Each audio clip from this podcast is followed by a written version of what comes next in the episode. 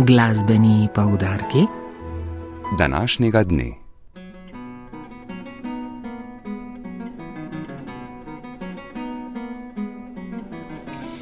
Drevi ob 19.30 se v slovenski filharmoniji začenja osmi filharmonični festival baročne glasbe, na katerem se bodo letos odvili trije koncerti. Prvega je zasnoval dirigent Federico Maria Sardelli, z njim se je pogovarjala Katarina Radaljac.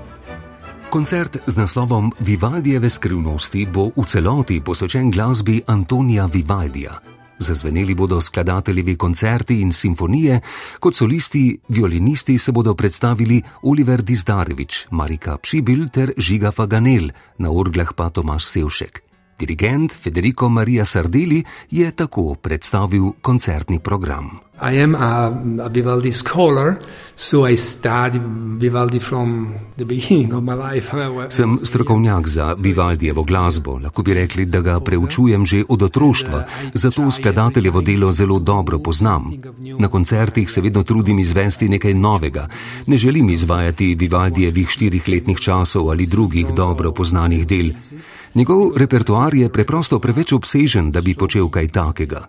Pomembno se mi zdi, da odkrivamo nova Vivaldijeva dela, zato sem takšne skladbe izbral tudi za petkov koncert. In ko rečem nova dela, mislim na nedavno odkrite skladbe. Med njimi sta tudi dva koncerta za Ano Marijo.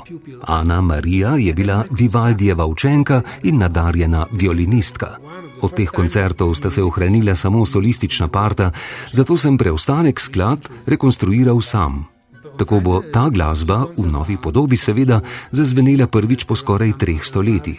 Izvedli bomo tudi Vivaldijevo mladostno delo koncert za violino, godala in baso continuo v D-duru Riom 813, ki je zelo zanimiv in redko izvajan. To je ena od najzgodnejših Vivaldijevih odkritih skladb. And was a very young Vivaldi, one of the most uh, ancient concerts we know from him tako dirigent Federico Maria Sardeli o prvem koncertu 8. filharmoničnega festivala baročne glasbe, ki bo potekal danes ob 19.30 v slovenski filharmoniji. Koncertu lahko prisluhnete tudi v neposrednem prenosu na programu Ars. Lepo vabljeni k poslušanju.